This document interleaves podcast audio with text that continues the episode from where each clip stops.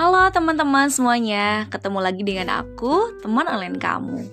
Di episode 2 podcast kali ini, aku mau cerita tentang suatu hal yang pasti pernah kita alamin, yaitu insecure. Oke, aku juga pernah loh ngalamin ini. Oh ya, uh, insecure di sini sebetulnya luas ya bahasannya. Cuman aku mau nyerita insecure lebih kerucut lagi, yaitu tentang insecure sama orang lain yang capaiannya lebih tinggi dari kita.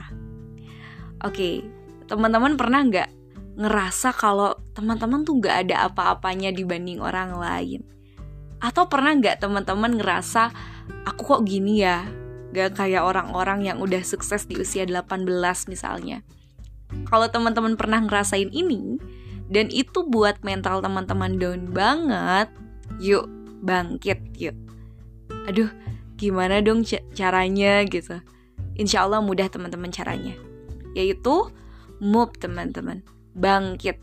Teman-teman juga bisa kok kayak orang-orang bahkan bisa jadi lebih keren pencapaiannya dibanding orang lain. Kalau ada kesempatan buat teman-teman maju langsung ambil. Jangan disia-siain pokoknya. Coba aja dulu. Hasilnya ya gimana nanti aja. Intinya kalau udah nyoba teman-teman bisa punya pengalaman di situ. Dan pengalaman itu bisa jadi pelajaran buat berikutnya. Menurutku, yuk jangan banyak berandai-andai, tapi perbanyak action atau tindakan yuk. Berat banget ya bahasan kita kali ini. Oh ya, aku belum sempat cerita. Jadi aku tuh punya temen, dia tuh awalnya minderan orangnya. Tapi makin ke sini, makin percaya diri sama kemampuannya. Dan aku sebagai temennya seneng banget. Aku yakin semua orang punya kemampuan atau kelebihannya masing-masing. Intinya, berani atau enggak. Yuk, teman-teman bisa yuk nggak insecure lagi. Semangat ya.